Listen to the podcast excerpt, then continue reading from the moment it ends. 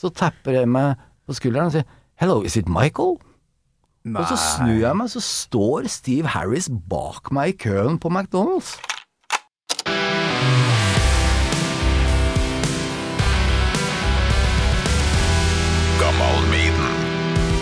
Det var på tide, altså. Sesong tre endelig i gang, samtidig som albumet Killers fra 1981 fyller 40 år. Det skal feires med en gjest som faktisk var på fornavn med Steve Harris tidlig på 80-tallet. Det høres helt utrolig ut, men det er sant. Michael Abrahamsen, nemlig. Kunstner, metallpioner og tidligere vokalist i ACDC-tributen Big Balls. Og det her blir så bra, det. Scream for me, Anaheim, California. Her er Michael.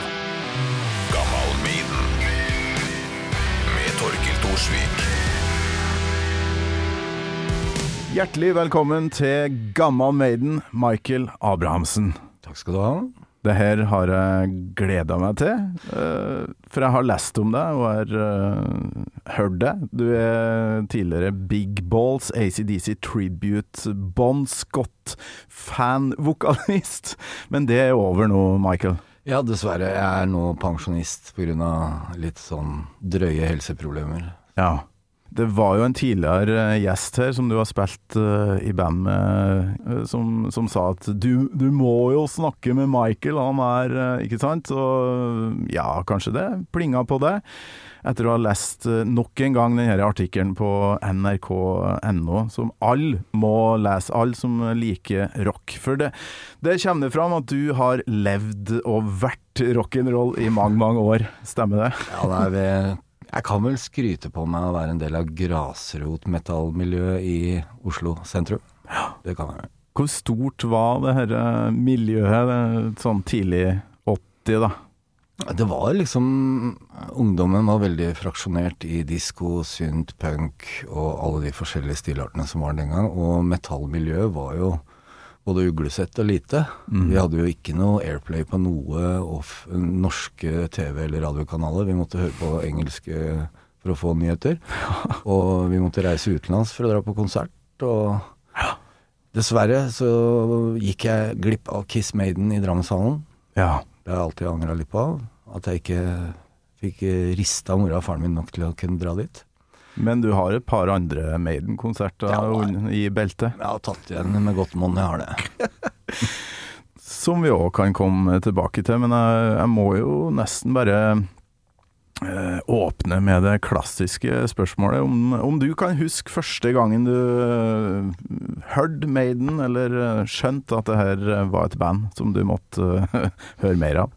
Ja, nei, jeg kan ikke påstå at jeg hadde førstehåndskunnskap til Soundhouse Tapes eller noen av de tidligere singlene, men at jeg tror jeg kanskje hørte Running Free, kanskje, på, for første gang. Ja.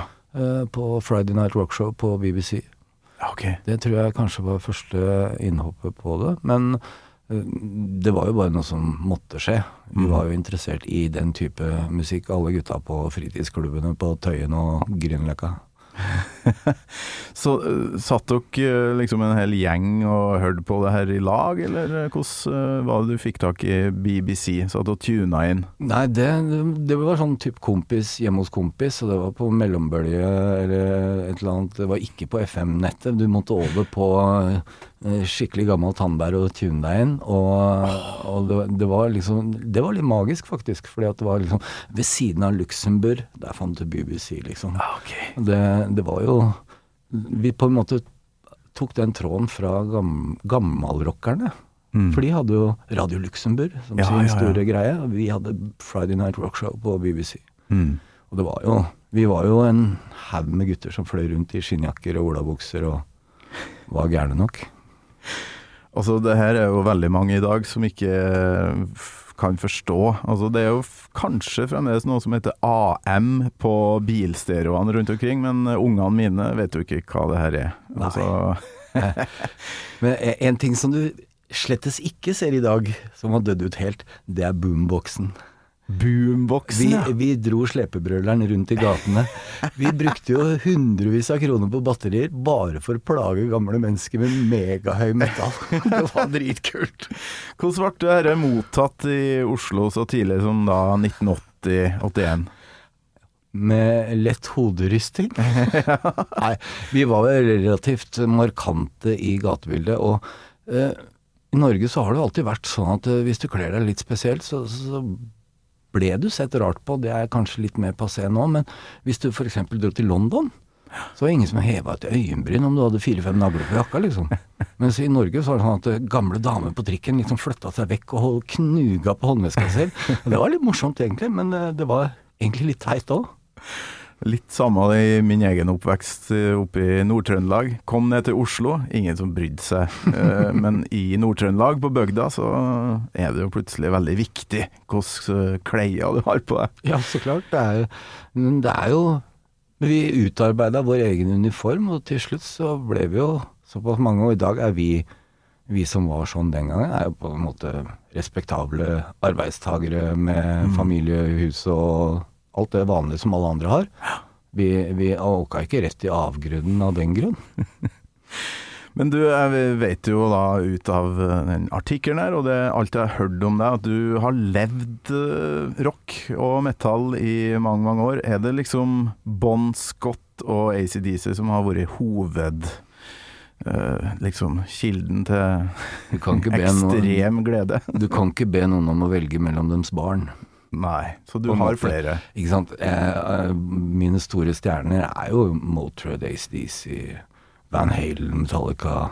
Ja. Alle disse gode, gamle New Wave og British Heavy Metal-banda. ja. Og jeg er veldig, veldig glad i Motörhead, men jeg er også litt sånn borderline punk. eh, Ramones, Dead Kennedys. eh, Ja. Litt sånn også. Jeg, pluss at jeg er veldig glad i musikk generelt, og kan gjenkjenne godt håndverk. Og jeg syns Beethoven er helt sløyt. Ja, helt enig. Innom Beethoven eh, innimellom, ja. Åh, soundtracket til Clockwork Orange. Oh, det er nydelig, altså. Men eh, da rundt 1980-81, når var det liksom første gangen du for på konsert, eller eh, fikk til det, og få sett eh, Maiden? Um, mm, første gang jeg fikk sett Maiden, var faktisk på Number of the Beast-turneen. Oi, Ja, faktisk. kjenner ikke veldig mange som fikk med seg den. Nei, den, jeg tror ikke den var så veldig drøyt innom Europa. Eller eh, vår del av Europa, i hvert fall. Men Mm. jeg var jo Mutter'n og fatter'n tok med meg og broren min på en tre måneders lang ferie i USA i 1982. Hvor vi kjørte fra New York med bil nedom Texas og bort til California. Så var vi i California et par måneder, og så vi, kjørte tilbake til New York. Nordlig rute. Men når vi var i California, så var det surf og sand og sånn. Men så plutselig så hørte jeg på en radiostasjon som het KLOS 95 and a half. Det var sånn, sånn Ok, du husker rockeradio. ja. Og da sa han Og nå blir det Pacific Jam med Scorpions, Loverboy, Foreigner, Iron Maiden. Og da var det Yes, dette må jeg bare ha billett til, ikke sant. Og da fikk jeg ordna meg en billett. Mora og faren min de hadde allerede planer om å dra på junkyard og titte på gamle bildeler. Mens jeg dro på Anaheim stadion helt aleine som 16-åring Å, i et folkehav på 75 000 og opplevde alt helt aleine. Og følte meg så fri og så svær og voksen. Kunne stå og, og høre på og se og ikke minst lukte alt det rare som skjedde rundt omkring på det stadionet der. Du må jo ha tidenes beste foreldre som tar deg med på Ja. USA-ferie i 1982. Mm. Det var ikke mange som gjorde. Ja. Eh, Var det det? Nei, det var ikke det. Flybilletten var jo en halv eh, årslønn. Ja, nei, vi sparte i tre år for å få råd til det, men det var, det var verdt det. Og jeg fikk jo sett Amerika på både godt og vondt. Og vi bodde i sammen hos noen folk i California og hadde ekskursjoner og ekspedisjoner ut derfra. Jeg har sett Vegas, jeg har sett uh, Graceland. Kan du huske Har du noe øyeblikk fra Anaheim da der eh, Bruce Dickinson er splitter ny vokalist i Maiden? Eh, Er det noe du husker? En spesiell låt? Et eller annet? Når Iron Maiden-låta går, og Eddie kommer ut på scenen Ja. Han var så liten! Fordi at de hadde jo aldri dette, På dette tidspunktet så hadde de aldri spilt for et så stort publikum. Nei. Og den Eddien som man da så for seg via, hadde sett via videoer og, og ting og tang på, på TV, Nattrocken f.eks. Eh, han så så liten ut på avstand, for jeg sto nede i menneskehavet foran. Ja. Og jeg hadde forventa liksom Eddie the Beast kommer altså, Men så var det Han så ut som eh, Steve Harris så ut som en pygme, og han var en storvokst pygme ved siden av. Ok. Så det, det var litt merkelig, men det var en voldsom opplevelse, egentlig. Det var innmari kult. Altså 16 år gammel og kanskje være vant med noen småklubber i Oslo der du Eller egentlig ungdomsklubben, for du var 16. Du kom Ja, ja. kanskje ikke inn på de her eh, Jeg hadde ikke vært så mye på fylla, for å si det sånn. Nei, du var ikke ikke. på Pingvin og så Sex Pistols? Nei, dessverre. Nei. Jeg fikk heller ikke med meg ACDC på Chateau Neuf. Det gjorde jeg heller ikke. Men uh, det, det er sånne små ting som ah, Filler'n. Men eh, jeg fikk med meg Maiden, og, og den, det at jeg kjøpte T-skjorte og var på den konserten, ga meg eh, innpass i Steve Harris sin sfære seinere. Ja, okay. Nettopp fordi at det var den største konserten de hittil hadde spilt. Ja. Og når jeg da seinere møtte han, hadde på meg T-skjorta og kunne liksom dokumentere at jeg faktisk hadde vært på et av hans største øyeblikk Det, det, det, det, det klasja så bra, altså. ja, nå må du fylle meg inn her. Hva, Når møter du Steve Harris og har på deg den T-skjorta som du faktisk sitter med nå? Yeah. Pacific Jam. Eh, så, altså, den eksisterer fremdeles. Hadde det vært mi, så hadde den råtna opp for lenge siden. Den, den er, den er, jeg, jeg har vært litt redd for å ta den ut av esken, for kanskje kontakt med utendørsluften kan gi en litt sånn hurtig forråtnelse. Så det kan hende han detter av meg i løpet av sendinga. Det er helt utrolig at du får den på deg, først og fremst. Og eh, ja, for vi, vi vokser jo utover eh, med åra, men du kommer inn i, i trøya, og den eksisterer, ikke Mm. minst. Eh, men den skjorta har altså Steve Harris sett med sine egne øyne. Det syns jeg er ganske fett å tenke på. Ja, Bare det. når, jeg kom, når jeg kom tilbake fra USA i 82, så var jeg pisse skolelei fordi at jeg hadde hatt noen lærere som var ikke helt enig i at jeg var noen ålreit. Mm. Så jeg var mest hypp på å komme meg ut i arbeidslivet. Og så begynte jeg som internbud i Dagbladet. Ok. I redaksjonen i Dagbladet. Ja. Og fløy rundt med papirer og, og Akersgata? Ja, i Akersgata 49. Og jobba sammen med Jan Otto Johansen og alle disse store, gamle Solstad og gjengen. Og, og var jo personlig løpegutt for de, og, og manus og ting og tang for redaksjonen til trykkeri og setteri. Ja. Og i forbindelse med det så også fikk jeg muligheten til å være litt sånn skribent, for jeg tror de syntes jeg var litt morsom, i og med at jeg var ikke som alle andre. Mm. Og jeg har jo i en alder av 17 tre saker i Dagbladet som jeg har skrevet sjøl. Okay. Jeg, jeg møtte Slade på My og My-promo, og jeg skrev noen greier om, om TV-opptredener av både Whitesnake og et par andre band. Så Som du- hadde vært på NRK, da. Var det litt sånn eh, Han der har langt hår, så han kan sikkert gjøre noe på det her, eller Nei, det, det, var, det var mer andre veien. Det var jeg som sa du, jeg har langt hår, jeg kan dette her. Så og- du ja, fikk skrive litt òg? Ja, så, sant? Bra. De, de brukte meg ofte fordi at jeg var så nære. Så de brukte Mm. meg som illustrasjonsmodell hvis de skulle ha noen som sto i fortvilelse på sosialkontordøra. Så var det bilde av meg bakfra mens jeg står og hamrer på ei dør. Det var sånn illustrasjonsbilder. Og det at jeg hadde, hadde faktisk interesse for journalistfaget ved å eh, ymte frampå at kan ikke jeg få lov å gjøre en piece, liksom? Og så fikk jeg tre. Ja. Og så, eh, når da jeg skjønte at Hege Duckert skulle dra og intervjue Iron Maiden, så sto jeg på kontordøra hennes og sa det, du trenger konsulent. ja, for Hege Duckert, flink, men har Veldig kanskje flink. ikke nilytta i 1980 Når var det? 83, da? Dette var 83 Peace of Mind Tour. Peace of mind, ja. Og, og det som, for hun var jo Hun kommer fra punkemiljøet, ikke sant. Så hun hadde jo ikke det store new wave of British heavy metal-dybden. Mm. Men det visste hun at jeg hadde. Ja. For Jeg hadde jo gjort meg godt bemerka, da, som Torgrim Eggen skrev i en uh, seinere anmeldelse av eh, bandet mitt. Så skrev han at jeg var mannen som troppa opp på, i Dagbladets redaksjon et dagen etter Hazel Stadion-ulykke i Union Jack-T-skjorte. Ok. Jeg visste ikke at det hadde vært en ulykke engang. Jeg syntes det- Def Leppard var kul. Men eh, det var Ja, liksom. Jeg, jeg satte mine spor i folka der, da, og det gjorde sitt til at Ja, eh, jeg fikk lov til å være med og møte hele Iron Maiden, og Ja. ble sittende og skravle med Steve Harris i flere timer, faktisk.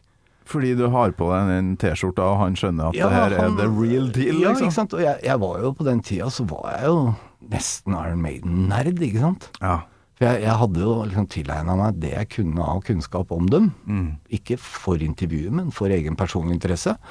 Og det var bare helt sløyt, og vi bare satt og prata, og, og han eh, På et tidspunkt så uttrykka han at eh, Dæven, du veit jo nesten mer om Iron Maiden enn hva jeg gjør. og dagen Hvordan, etterpå så eh, kom det dobbelt uh, oppslag på midtsida i Dagbladet med bilde av meg sammen med gutta. og Du ble med på bildet, ja? ja, ja. Jeg har vært i bandbildet med Iron Maiden. Ja, det lurer jeg på om faktisk er, hvis noen lurer på hvordan det ser ut, så er det vel i den NRK nettartikkelen. Ja. Mm, Det det er et fantastisk bilde. Ja. Altså, bare se på Nico McBrain på det bildet. der. Ja. Han er så ung og søt. Ja, det var jo en, en morsom, morsom seanse hvor de ikke hadde rukket å bli så store stjerner enda. Selv om de faktisk var det, så var de Ja, ja. Steve Harris har jo vært helt down low hele tida. Han er jo en veldig jordnær fyr. Han virker sånn litt sjenert og jordnær, ja. Ja, han, han er eh, en familiefar som liker å drikke te og se på fotball og spille det også.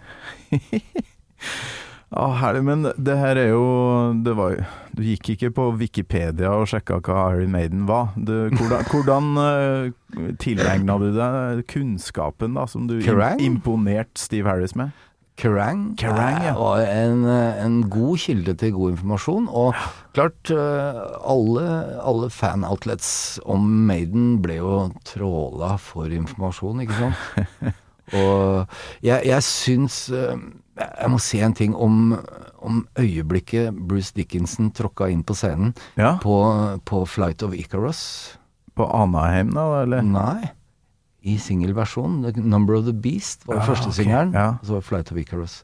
Men når Number of the Beast kom, så hadde vi hørt om The Air Raid Siren, Ja, ja, som han ble kalt, ikke sant?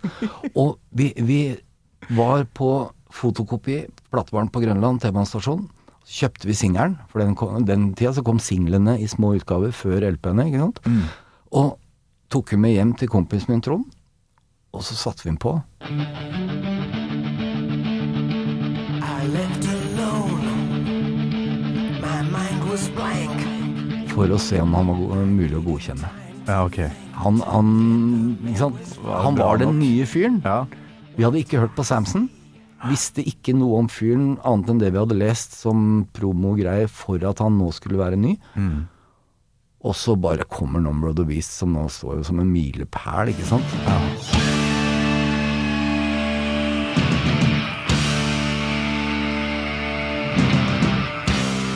Og, og det var bakoversveis og bare Ja. Nesten tårer i øyet at det kunne gå an å erstatte på den måten. Det er et jævlig godt øyeblikk, for da, da lurer du på er det bra nok det her. Uh, Ja, kan han uh, fylle skoa til Paul Diano? Eh, Senere så, så, så innser man jo at Paul Diano, han At det var bra at han slutta, egentlig. Han var Ja. god til sitt for, formål, Mm. men han, han hadde ikke klart det lange løpet som Bruce Dickinson har klart.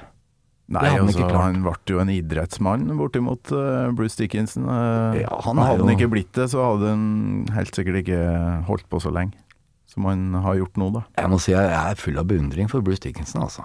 Pilot, ah, sverdfekter, forfatter. Har du lest Lord If Iffy Boat Race? Nei, Boka til Bruce Dickinson er helt nydelig, altså. er det en barnebok? Nei, det er en ko voksenkomedie i bokform. Nei, kødder du? Med litt sånn absurde scenarioer, og det handler om da om en lord som heter Iffy Boat Race. Og okay. hans merkelige tilværelse i 40 pennen av Bruce Dickinson er et godt, et godt stykke arbeid av Dickinson. Altså. Det må jeg sjekke ut. Ja, det er helt vilt hvor fin den Ja, er.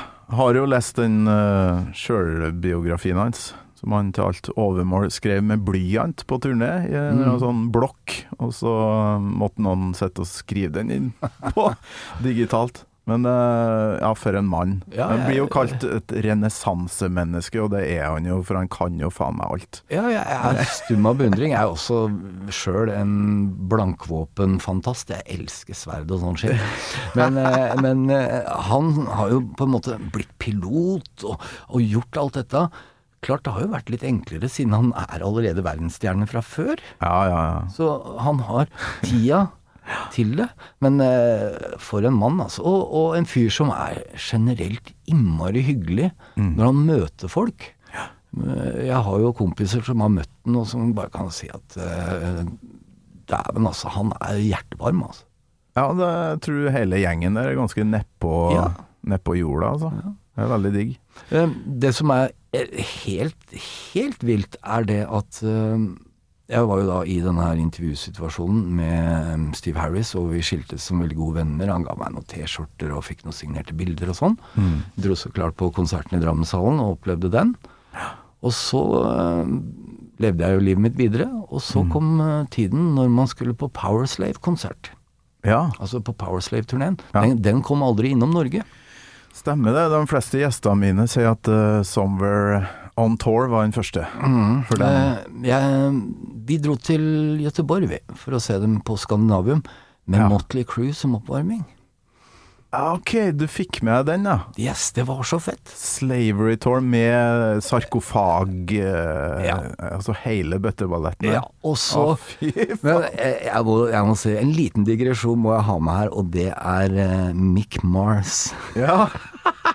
For det her er ganske tidlig Motley Crew, da. Ja, de, de var jo oppformingsband, liksom. Ja. Fire-fem år har han Ja. holdt på da.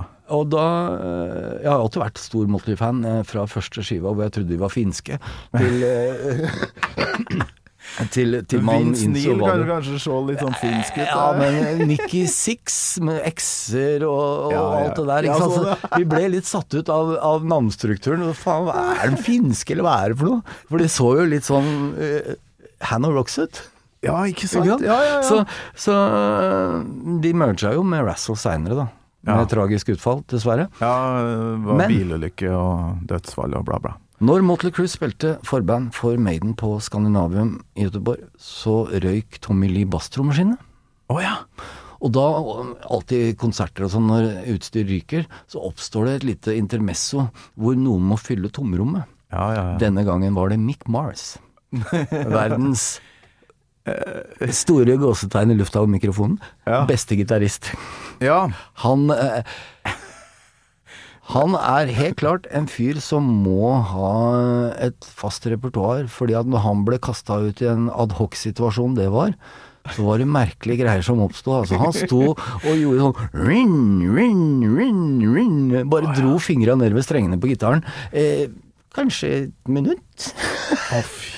Det, det, det var det Så han skulle liksom lage en slags solo, da? Bare sånn ja, på han sparket? Ja, han skulle bare gjøre noe greier på sparket mens de bytta ut uh, trommeskinnet til Tommy Lee.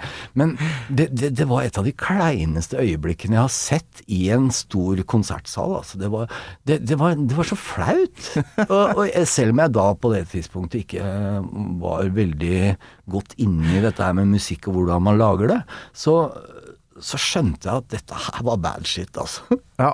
ja, men da er vi to, for eh, omtrent 30 år etter så skulle jeg på Sonny's Fair-festival i Stockholm med Maiden som eh, headliner, siste band. Motley Crew spilte eh, tidligere på dagen, slags oppvarmingsband, og det hørtes ut som eh, Jeg vet da faen, altså. Det var ikke bra. Men det var på et tidspunkt de ikke spilte samme låta, hele gjengen. Altså, det var Skal ja, ikke- Det er ikke bra. Skal ikke blande avansert musikk med kokain, altså. Jeg så dem også på Råsunda, da, sammen med ACDC og Van Halen i 84. Men eh, Fy og tilbake har- til Gøteborg. Vi må, jeg må fortelle Ja. dette. Eh, Jeg hadde da tatt min eh, første bil, som var en Opel Ascona, så klart. Så klart. og kjørt til Gøteborg med kusina mi og et par kompiser. Vi står da sultne på McDonald's midt i hovedgata i Gøteborg, og står i køen for å få burger. Og jeg har sikkert ikke fortalt han den vesten jeg hadde, men eh, jeg har eh, Veldig tidlig så begynte jeg å eh, starte ryggmerkemoten. Ja. Vi tok T-skjorter, og så klipte vi dem til, og så sydde vi dem fast i, i diamanten bakpå olajakka, som for øvrig var en sånn derre ja, sånn saueskinnsfora, Bruce Springsteen-aktig olajakke. Ja, ja, type sånn, ja. Sånn som han Ja, Arnfinn i telefonen. Stryke på eller ordentlig ryggmerka, det Det fant, fantes ikke, det. Nei, nei, det var Nei. Vi fant det opp, skjønner du. Dere fant det opp, ja. Mhm. Ja. Så vi, vi klippte ut T-skjorte. I mitt tilfelle så var det da Purgatory, hvor det er da eh, Motivet er halvparten en veldig rusten Eddie, og så er det halvparten djevel med sånn flaggermus, flaggermusving i hodet. Ja, stemmer det. Og, og den Det at jeg hadde den, med massevis av nagler på, ja. Gjorde sitt til at Steve Harris kjente meg igjen bakfra i køen på McDonald's i Gøteborg. Fordi plutselig, når jeg står der med kusina mi og kompiser, så tapper jeg meg på skulderen og sier 'Hello, is it Michael?' Og så snur jeg meg, så står Steve Harris bak meg i køen på McDonald's. Hva er oddsen for det, liksom? Du kødder. Altså, det sier litt om hvor jordnær han er òg, da. Men han vandrer altså ut i Gøteborg på Powerslave-turneen og går på McDonald's. Ja, det er nå en eh, Ja, liten artig detalj her, men eh, det skal ikke overskygge det øyeblikket her. Nei, og- og snur deg, og der står faen meg bassisten i Maiden og kjenner deg igjen, fordi, Ja. på grunn av det Dagbladet-øyeblikket. Nettopp. Ja. Fordi vi hadde hatt et såpass kult øyeblikk, og fordi at eh, han, han ymta litt beundring for naglevesten min. Den var, den var spraya med pyramidenagler og ordentlig drøy. Og dessverre så har den gått i oppløsning. Ah, Men, ok. eh, men eh, han kjente meg. Kusina mi sto ved siden av meg. Hun, hun ble jo så starstruck, hun holdt jo på å besvime. Så fikk jeg signert billetten sin og sånn, og, og vi prata litt. Og så dro han og spilte konsert, og vi spiste burger. Taffe, Det er forskjellige verdener, altså. Men tror, tror du han har kjent deg igjen i dag? Nei, det tror jeg ikke. Kanskje med den skjorta der? Kanskje. La oss nå si at Steve Harris hadde rusla forbi her nå, så Vi er venner på Facebook, men uh, du vet jo Facebook-venner, det er ikke alltid man, uh, man har så nære forhold til de. tror ikke han sitter og sjekker Facebook veldig jevnlig, gjør han det? Jeg traff han jo en gang til, i 98, Ok. på, på Elm Street, i regi av NRK-programmet God elg. Og da, da 98, da, er- da er det Blaze Bailey, da er Ja. Bruce Dickinson ut, ikke sant? Ja, den gangen så var det Virtual Eleven som var promogreia deres. Ja, og, og de Da var det bare kun eh, Dave Murray og Steve Harris som var på promoturné. Ja, okay. Og, og satt på Elm Street, eh, Rock Café, nydelig Elm Street, og signerte og snakka med folk innerst i kroken der. Og jeg ble da jeg, i køen forbi og fikk signert bilde fra mitt Dagbladet-øyeblikk, da. Ja, ok. Så da på en måte ble ringen slutta. Ja. Men da ble jeg spurt av programlederen, han som er sånn autofil fyr nå. Hva er det han heter for noe? Han derre han, han, han drev masse barneprogram. God elg var et av dem. Jeg Og så ble han bilmann. han- var helt sånn villbass og gikk rundt i redaksjonslokalet og var veldig sånn uh, var- Jeg veit hvem du snakker om. Morogæren var han. Ja, han uh, ble skinna, Ja, han skinna seg når han begynte med bil. Jeg vet ikke om det gikk for fort for han. Ja. Har det på tunga.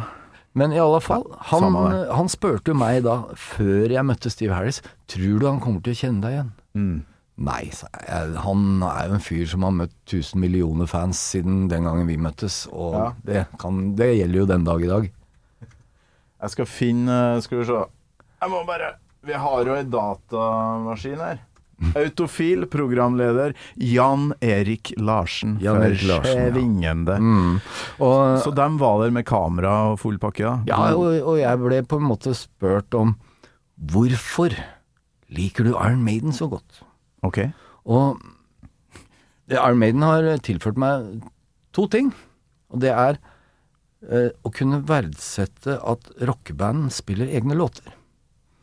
Det at utøverne er faktisk de som fremfører låta, gir det så sinnssykt mye mer kred. Og det blir mer troverdig enn om det kommer fra markedsdirektørens kontor.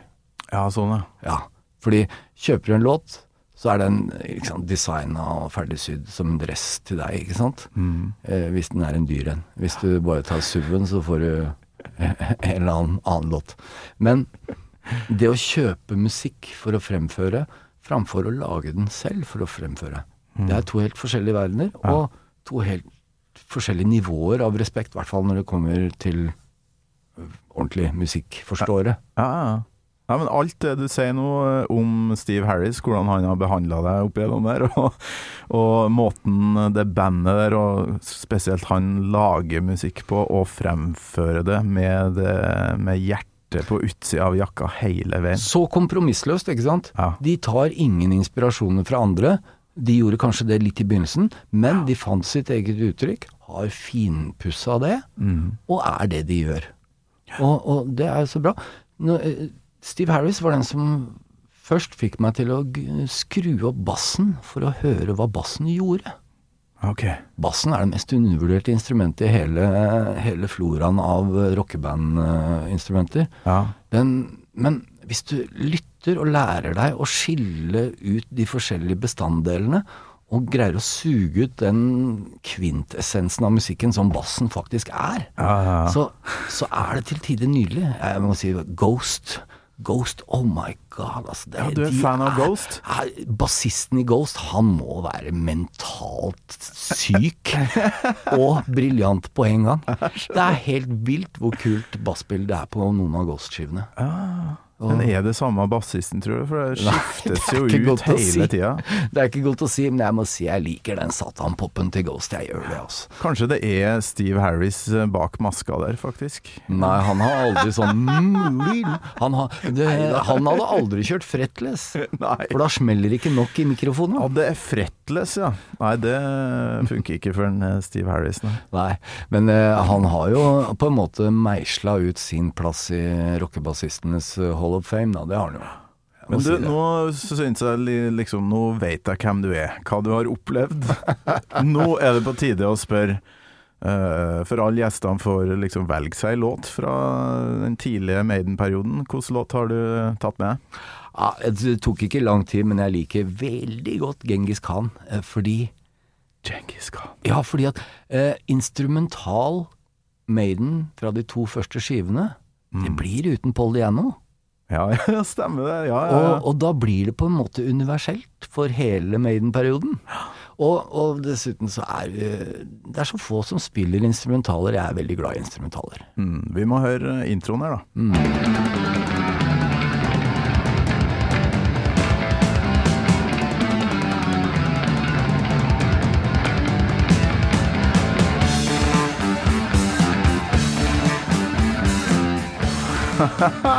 det er et godt eksempel på Steve Harris Ja, ikke sant? i in character. Ja, og, og jeg vil ikke si det er en låt som ruller av tungen, for å si det sånn. Den, Ah. den, den hopper litt, men den er, den er så konsistent, og den er så Maiden. Aff, Vest farsken. Jeg syns det er så bra, for det, det er jo eh, ofte at eh, gjestene mine velger låter som er ja, ganske mye lenger opp på, på settlista til Iron Maiden, i hvert fall, enn eh, Genghis Khan. For den her tror jeg ikke han har dratt fram siden Maiden Japan-tida, altså. Altså 81, da. Eh, men det er Når jeg liksom skulle høre på den her, da, når du skulle komme, så er det jo det breiket her som du skal få høre nå, av Clive Burr. Oh, Clive Burr. Så, altså, så vi OK, Nico McBrain, bra trommis, men det er noe med spesielt med det her.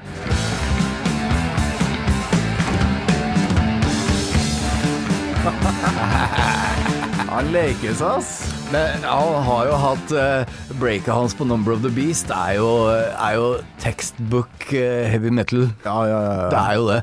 Så fantastisk uh, trommis. Fantastisk trommis.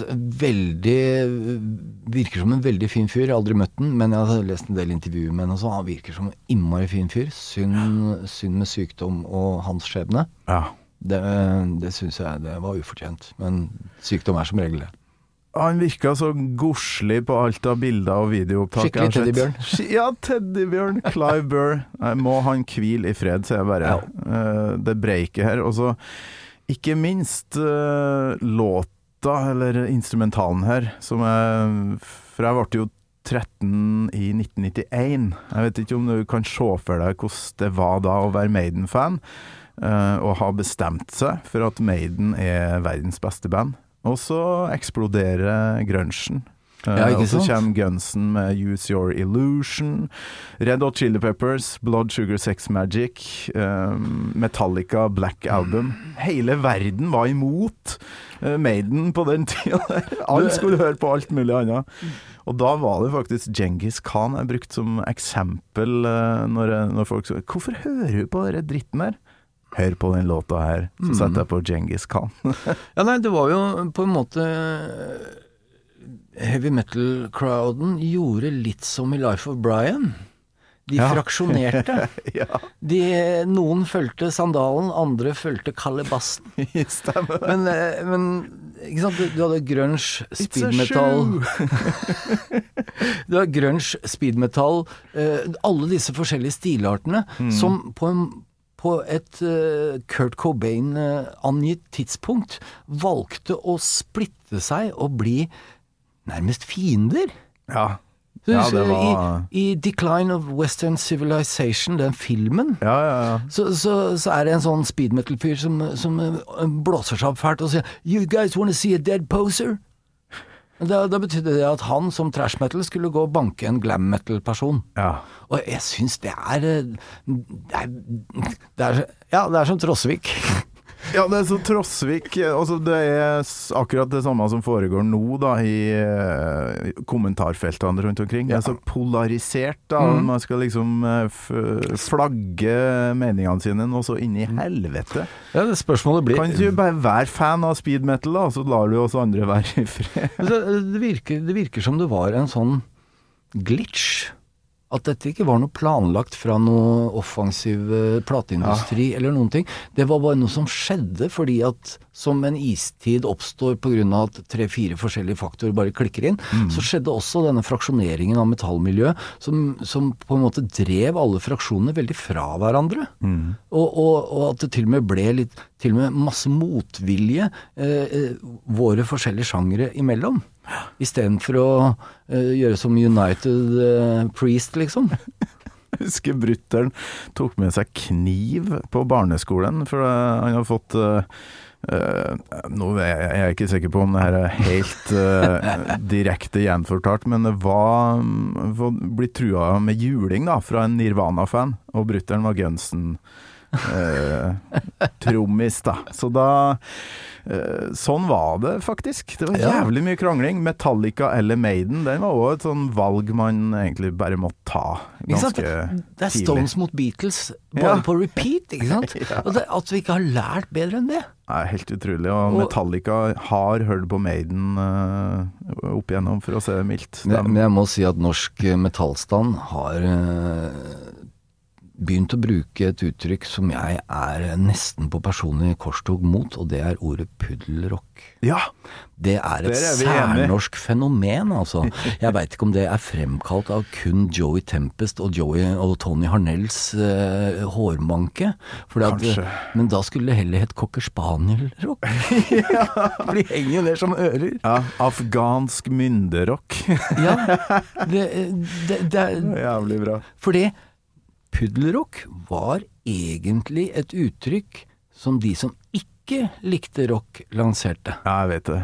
Og, og Det hvorfor skal vi forsterke hån? Mm. Ja, jeg har hatt et par tirader på Facebook og den nydelige sida heavymetal.no Ja. sin Facebook-side. Ja, ja, ja. Og hvor, hvor jeg da sier at kan vi være så snill å ikke gjøre det? Mm.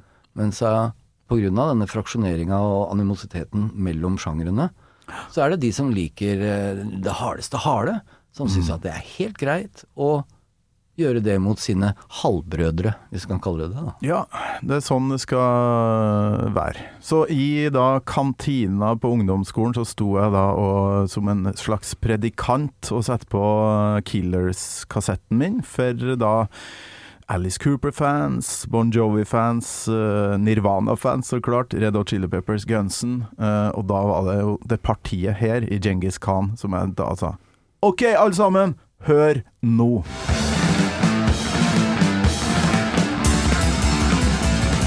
Å ja!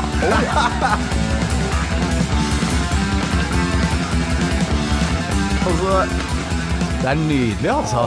Det er så fint. Jeg hadde klokketro på at det var beviset på at det her er verdens beste band, og det var det jo, for min del. Det, det, er helt.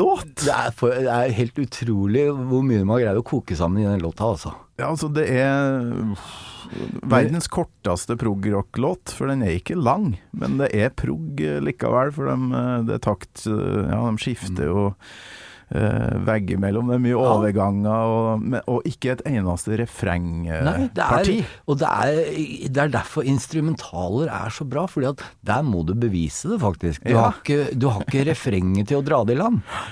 Men jeg må si noe i, til, til skolegreia di. Du drev og spilte skolemusikk. Vi Ja, på uh, den ungdomsskolen jeg gikk da, som heter Herslep, der, okay. fi, der fikk vi lov til å putte høyttalere til et stereoanlegg i vinduet ut mot skolegården i storefri.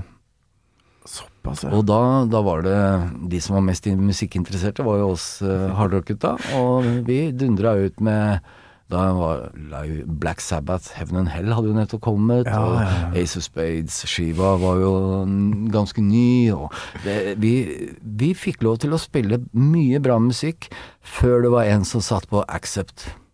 Ok, Son of a bitch. da var det slutt. Da var det slutt. Eh, Språkbruken. Det var ingen som setter på Wasp, da. Animal fuck like a beast. Det hadde jo gjort seg. Mm, Da gikk ikke jeg på skolen. Da var ikke du lenger på skolen. Min første biltur, med egen bil, gikk til uh, Fuck Like a Beast Tour i Karlskoga Folkets hus på, i september eh, 1984. I helsike. Å, det var så fett. Det var så fett. Det fløyt med teaterblod på scenen. Han Blod, ja. kasta ut kjøttbiter. Kjøtt. Han halshogde hun dama. Og jeg fikk tak i ei kjøttslintre.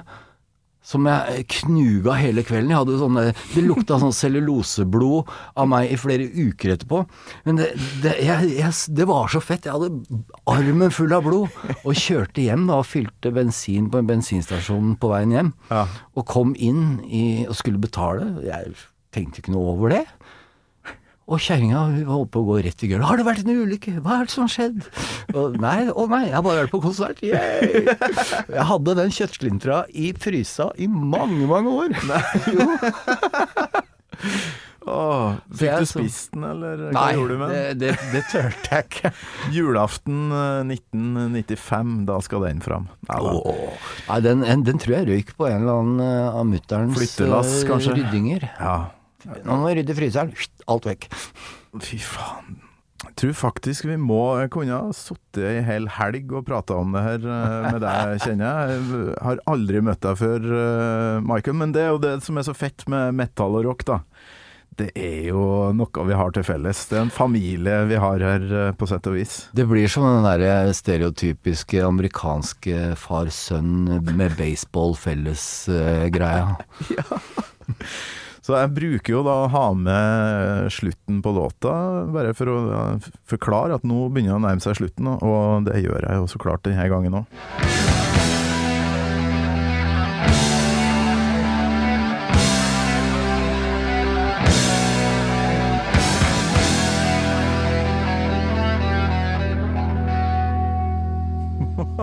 Ja, det er nydelig. Det er sånn som var slutt på en ganske fin låt. Nå må vi ta bilde av den eh, fine skjorta di, som folk kan se på Instagram, så klart. Mm. Instagrammen til Radio Rock, for den er jo episk, og den er, det er jo et eh, ja, en museumsgjenstand, rett og slett. Så- Ja, den, er, den er litt hølete, men han tåler en runde til. Faen så vanskelig å avslutte episoden her. Uh, Michael, takk for besøket. Thank you, good night, we want to fuck you all. Ah, nydelig. Åssi pleier å avslutte med det, vet du. Gammal Maiden med Torkel Thorsvik. En podkast fra Radio Rock.